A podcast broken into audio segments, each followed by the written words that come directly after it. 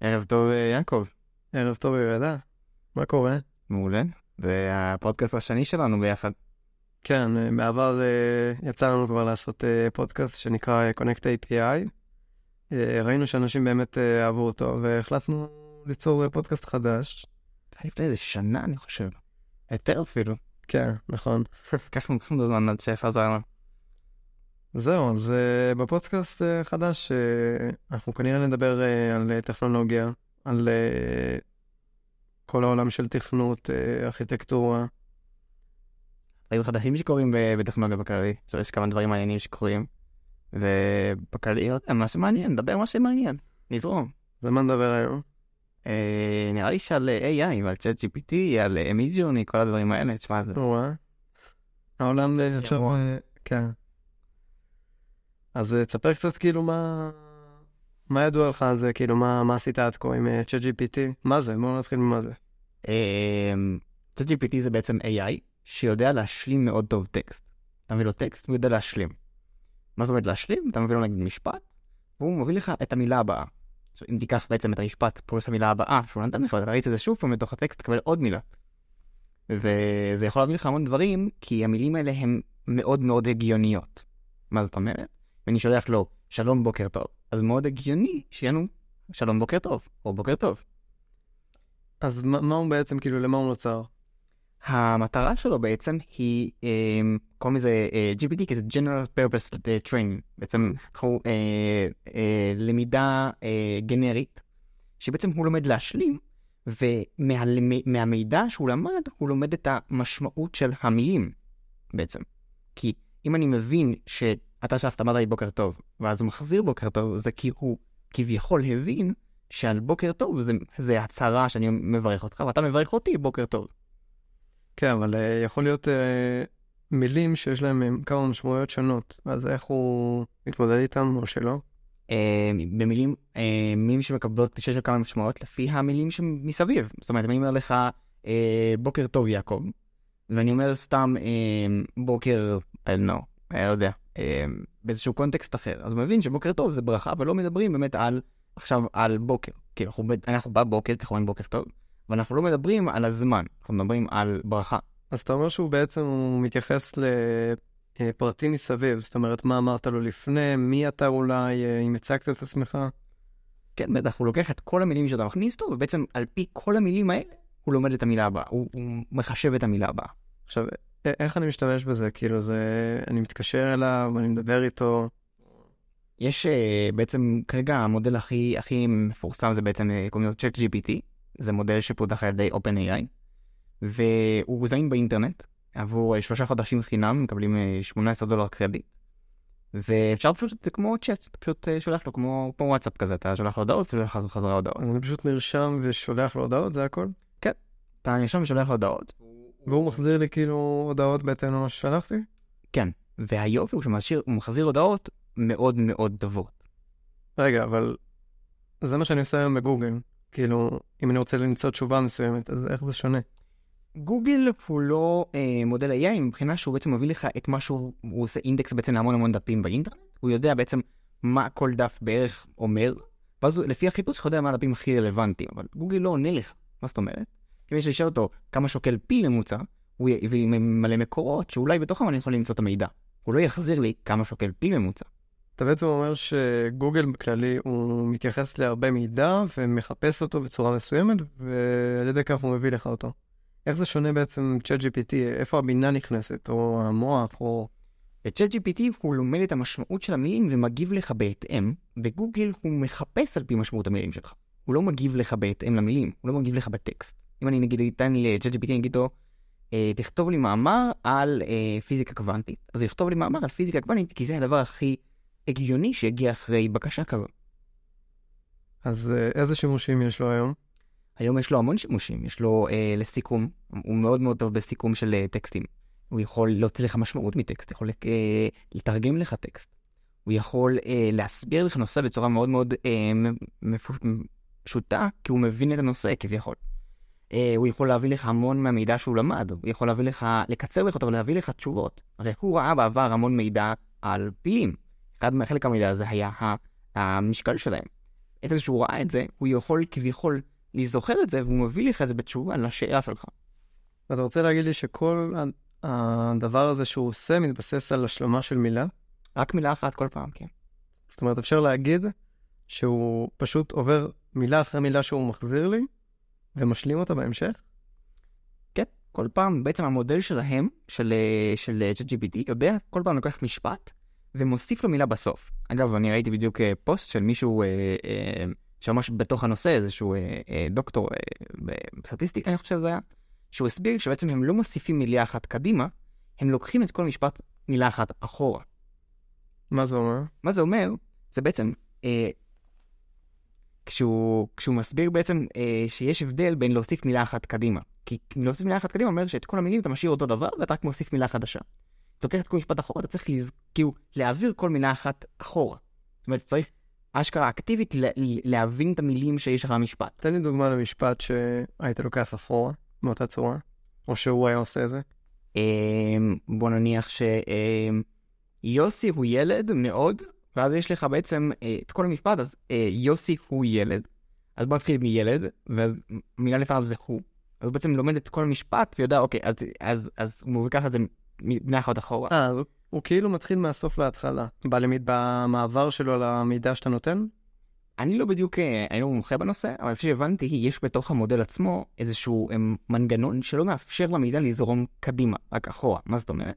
כשאני מכניס לו נגיד איזשהו אה, וקטור מתמטי באחד מהאינפוטים, אז המידע הזה לא יכול להגיע לאינפוטים הבאים, אך ורק אחורה. בעצם המידע זורם אך ורק אחורה.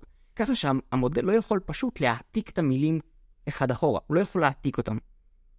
ובעצם מה שאומר זה שהוא מחייב אותו ממש להבין את המילה ולשים אותה שם, לנחש אותה כביכול. שוב. הבנתי. חוץ מזה, שמעתי אה, לגבי זה שה-ChatGPT מסוגל ללמוד ממנו. זאת אומרת, כל אחד שמשתמש בו, הוא בצורה מסוימת מלמד אותו. וזה נקרא אה, reinforcement learning. reinforcement learning זה בעצם אה, סוג של... זה מכניקה, איזשהו אה, דרך לאמן מודל. מה זאת אומרת? אני אומר לו, אה, עשית משהו, אני אומר לך אם זה טוב או רע. אז אני עושה לך reinforcement, ואתה אומר לך, כאילו, כל הכבוד, או שאני אומר לך, אוי אוי, נו נו נו. ובעצם אתה לומד לאיזה כיוון ללכת ככה. ב-reinforcement learning אנחנו בעצם אומרים, זה מה שהמשתמש אה, שאל, זה מה שהוא קיבל, והוא מאוד אהב את התשובה שלך. אז תמשיך ככה. אם המשתמש עושה דיסלייק, אז המשתמש אומר, לא אוהב את התשובה שלך, אל תעשה את התשובה הזאת, תעשה תשובה אחרת. תשנה משהו, ת, תנסה משהו אחר. אז ספציפית בגדול, הלמידה מחדש, או reinforcement learning, היא תלויה בעצם במשתמש שהוא ייתן חוות דעת, לפחות כרגע, יכול להיות שיש להם עוד דברים אבל.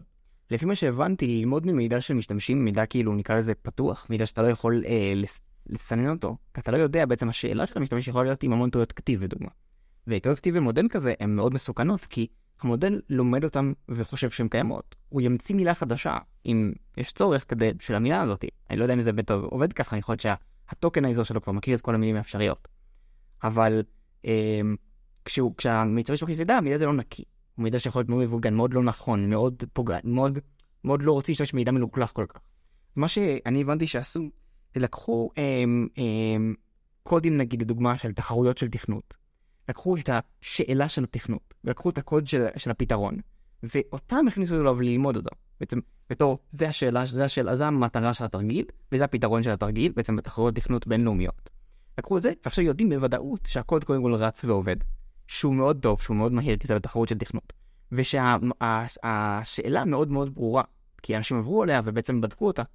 אז uh, ככה בעצם הכניסו לו המון מידע על תכנות. לקחו המון uh, ערכים, uh, המון המון נושאים, וניקו אותם בצורה מאוד מאוד יסודית, באמת, כדי שיהיה מידע מאוד איכותי. אני עכשיו בדיוק שמעתי שיש חברה שהשתמשה בו בשביל uh, לאמן עליו מודל נוסף, הם הכניסו לו המון המון מידע שאני לא זוכר על מה זה היה, שזה היה מידע משפטי, וזה מאוד יקלח לך המידע, ופתאום חזרו להם תשובות מאוד מאוד לא הגיוניות. אה, לא יודע אם אה, שמת לב, אבל התשובות של אה, JGPT כרגע מאוד מאוד נקיות, מאוד מסודרות, תמיד, תמיד נור... עושות היגיון, בעצם הם make sense, תמיד אין לו, הוא לא מתחרפן לך באמצע. אז אתה אומר שהסיבה בעצם שהתשובות שלו כל כך מדויקות, אם נשווה את זה למודלים אחרים או מנועים אחרים שמבצעים את זה, זה בעצם שהמידע שהוא למד עליו הוא מאוד מאוד נקי. בטח, זה חלק מאוד מאוד גדול מהעניין. אה, בכללי, עוד, עוד דבר ששמעתי, מעניין, שדווקא המודלים מהסוג הזה, הדבר היותר חשוב זה האיכות של המידע מהכמות של המידע. ויש המון מודלים שאתה פשוט דוחף להם המון המון מידע, ואתה אומר, תלמדו בכללי את הצ... מה אתם אמורים לעשות. בעצם, בגלל שיש המון מידע, אני אומר, בכללי, אתה, בת- ה- ה- יש כאן איזושהי נקודה שאתה יכול ללמוד אותה, או איזושהי פונקציה בתוך. במקרה הזה, אנחנו יכולים, אה, אה, אנחנו מבינים שבעצם מידע איכותי הוא הרבה יותר חשוב. אוקיי, אז אה, דיברנו בעצם על הסוג של המודל של אה, ChatGPT, אה, איך הוא עובד ולמה הוא כל כך מדויק. אה, מה השימושים שלו היום ב-real life, כאילו, איזה שימושים אנשים עושים בו באמיתי, בעבודה שלהם, ביום-יום? אז אה, האמת, בתוך האתר של אה, OpenAI, יש להם בעצם section כזה שאומר playground, בעצם אה, מרכז משחקים כזה, אתה יכול לשחק עם ה- עם ה-AI. שזה אגב המקום הדי מרכזי כיום כדי להשתמש בזה. זאת אומרת, נרשמים לאתר של ב-ChatGPT ונכנסים ל playground, שם אפשר לשחק עם המודלים ולראות את התוצאות. האמת שלפי מה שהבנתי, יש להם שני מודלים. יש להם אחד שנקרא דה וינצ'י 003, שהוא המודל של השלמת טקסט שאנחנו משתמשים בו ב playground ובעצם בשביל הדברים. ויש להם בעצם ChatGPT, שזה מודל של דה וינצ'י 003, אבל שהוא בעצם מאומן במיוחד ל- אה, לשיחות. בגלל שהוא, וכשהוא מאומן לשיחות אז הוא קצת שונה מ- מדה וינצ'י. אבל בסופו של דבר, אה, כן, אתה יכול להשתמש ב... בסופו של דבר בבסיס הם שני אה, מודלים שמשלימים טקסט. ויש להם המון המון דוגמאות לשם מה אתה יכול לעשות עם זה. זה אוקיי. מעניין. יש להם uh, סיכום של טקסט, הוצאה של uh, מילות מפתח מטקסט, אתה יכול uh, לתרגם טקסט, לפרק משימה לתת משימות, לענות על שאלות. בוא ננסה לחשוב בצורה כזו. אה, בוא ניקח אה, חברת אה, סטארט-אפ כלשהי דמיונית, שיש לה שם לדוגמה אה, מעצבים, אה, יש לה מתכנתים, נניח סך הכל איזה 500 איש, אה, אה, קופירייטים, זה יכול לעזור, אה, לעזור להם או לעזור בכללי כדי לבצע את המשימות שלהם? מאה אחוז. זה, זה יכול ממש אה, ל- לסגור מחלקות שלמות, מה זאת אומרת? היום יש לך כותבי תוכן בחברות. כותבי תוכן צריכים בעצם אה, לכתוב תוכן כל מיני נושאים בתור פרסום שהוא הוא בתוך תוכן. זאת אומרת, אני עכשיו מפרסם איזשהו מאמר, ובמאמר הזה מפורסם תחת חברת אה, לא, אני- מטא, אז מטא מקבלת פרסום מהמאמר הזה, כי אנשים רואים, קוראים את המאמר והם רואים שזה מטא. הקופירייטרים, עכשיו במקום, במקום שמישהו יצטרך לכתוב את התוכן הזה, אפשר להשתמש ב-JDBD, לכתוב את רוב התוכן ואחרי זה לערוך אותו ולשחק איתו, כדי שיהיה לך תוכן איכותי. אבל הכתיבה, המידע עצמו, אתה יכול ממש לקחת אותו מ-GPT וזה עובד נהדר. אז איך הוא בעצם יכול אה, לבצע את אותה עבודה של אה, קופירייטר, לדוגמה? אני לא חושב ש-100% מהעבודה הוא יכול לעשות. הוא יכול לעשות אבל 90%. 90% מהעבודה הוא יכול להוזיל עלויות, יכול אה, אה, לסגור משרות בעצם. הוא יכול אה, לתת את אותו קריאייטיב שלו? הוא יכול ליצור רעיונות? אה, בניסיון שלי כן, הוא מאוד מאוד, אה, הוא מאוד יצירתי מבחינה של אה, אפשרויות חדשות. אם אתה אומר לו, "אה, תן לי עשרה נושאים מעניינים, אני יכול לכתוב. הוא נותן לך רשימה של עשרה נושאים שיכול להיות שלא היית חושב עליהם. אז לדוגמה, עכשיו יש איזו משימה לכתוב כתבה מסוימת על החברה, על המוצר האחרון החדש שלה, להסביר קצת ו, ולדבר בכללי על החברה. אז הוא יכול לתת לי רעיונות אה, איך לכתוב את זה, איזה דברים להציג ואיזה לא. אה, בטח. העניין הוא שלעבוד איתו אתה באמת צריך להסביר לו, להביא לו קונטקסט, להביא לו המון מידע, כדי שהוא יבין את הסיטואציה שאתה נמצא. אז זה דורש כאילו מעט עבודה בכל זאת. זאת אומרת, זה לא שאתה אומר לו, בוא תיצור לי כתבה, אלא אתה צריך לתת לו מידע ספציפי. בוודאי, הוא עדיין לא ברמה של אה, בן אדם רגיל, הוא לא יכול אה, להבין סיטואציה, הוא לא מכיר את החברה שלך גם, בוא נחשוב על זה בצורה אחרת. נביא עכשיו מישהו חדש לחברה. אתה צריך להסביר לו מה אתה רוצה, כדי שהוא יעשה את העבודה טובה. אז בעצם, לפחות כרגע צריך מישהו שיושב על צ'אט אה, GPT, מה שנקרא, וייתן לו את ההוראות. כן, וצריך מישהו שגם טיפה מבין איך עובד מודל כזה, ובעצם איזה, איזה מידע הוא צריך כדי להוציא את התוצאה הכי טובה. מה לגבי מעצבים? היום יש גם, אה, האמת זה אה, אה, עוד דבר מעניין, AI חדש שיש היום, קוראים לו מיד ג'וני, שהוא יכול ליצור תמונות. והוא יוצר תמונות מטורפות, מדהימות, על פי מה? על פי טקסט. אתה כותב לו, אני רוצה ספינה שעליה עומד עכבר גדול עם משקפת. והוא ייצור לך את זה. עכבר גדול עם משקפת על ספינה. זה משהו שקורה הרבה, שצריכים תמונות ספציפיות, אה, אתה יודע, לפיתוח. לא רק לפיתוח, אתה יכול להיות גם בספרי ילדים. לכריכות של ספרים, לסתם אומנות, אומנות. ותוך כמה זמן אה, לוקח אה, פיתוח של תמונה כזו?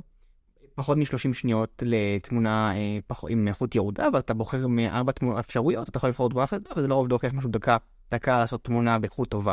אוקיי, זה לא שעות, זה מדובר על דקות. ממש ממש... מה שיש כיום, שזה בעצם שעות בשביל ליצור כל מיני דברים אה, כאלה. בטח, אומן רגיל לוקח היום אה, כמה שעות ליצור אה, תמונה באיכות של ChatGPT, וגם אז זה יכול להיות שאפילו פחות באיכות של ChatGPT, לא ChatGPT, אנחנו מדברים כרגע על מידג'ורני, ובאמת זה יכול לחסוך באמת המון המון עלויות, הוא יוצר מאוד מאוד טוב.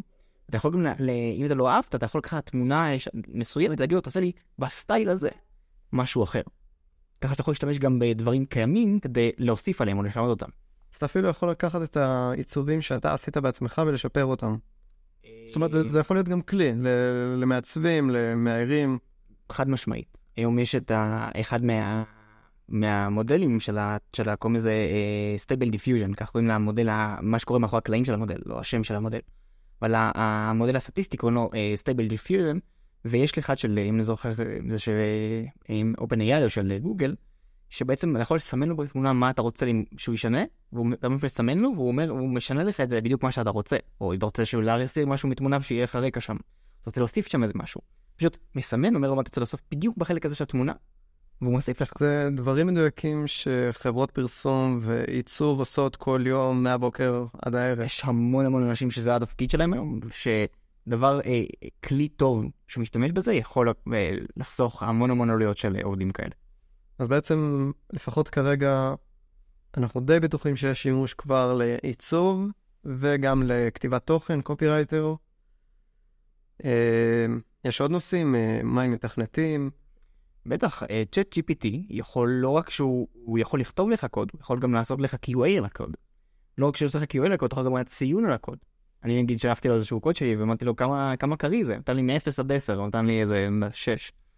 אבל אה, הוא מה שיכול לעשות, אתה אומר לו שיש לי את זה יותר קריא, הוא מוסיף לך קומנטס, הוא מוסיף לך הסברים, זה דבר שיכול להיות גם באוטומציות היום של חברות. מה הדיוק שלו אבל?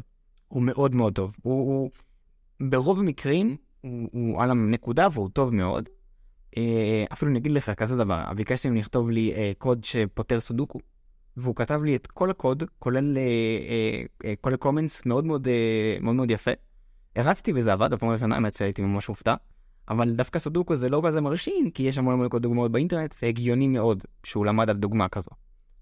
אבל ראיתי אנשים אחרים שהשתמשו בכל מיני קודים אחרים, וזה עובד נהדר.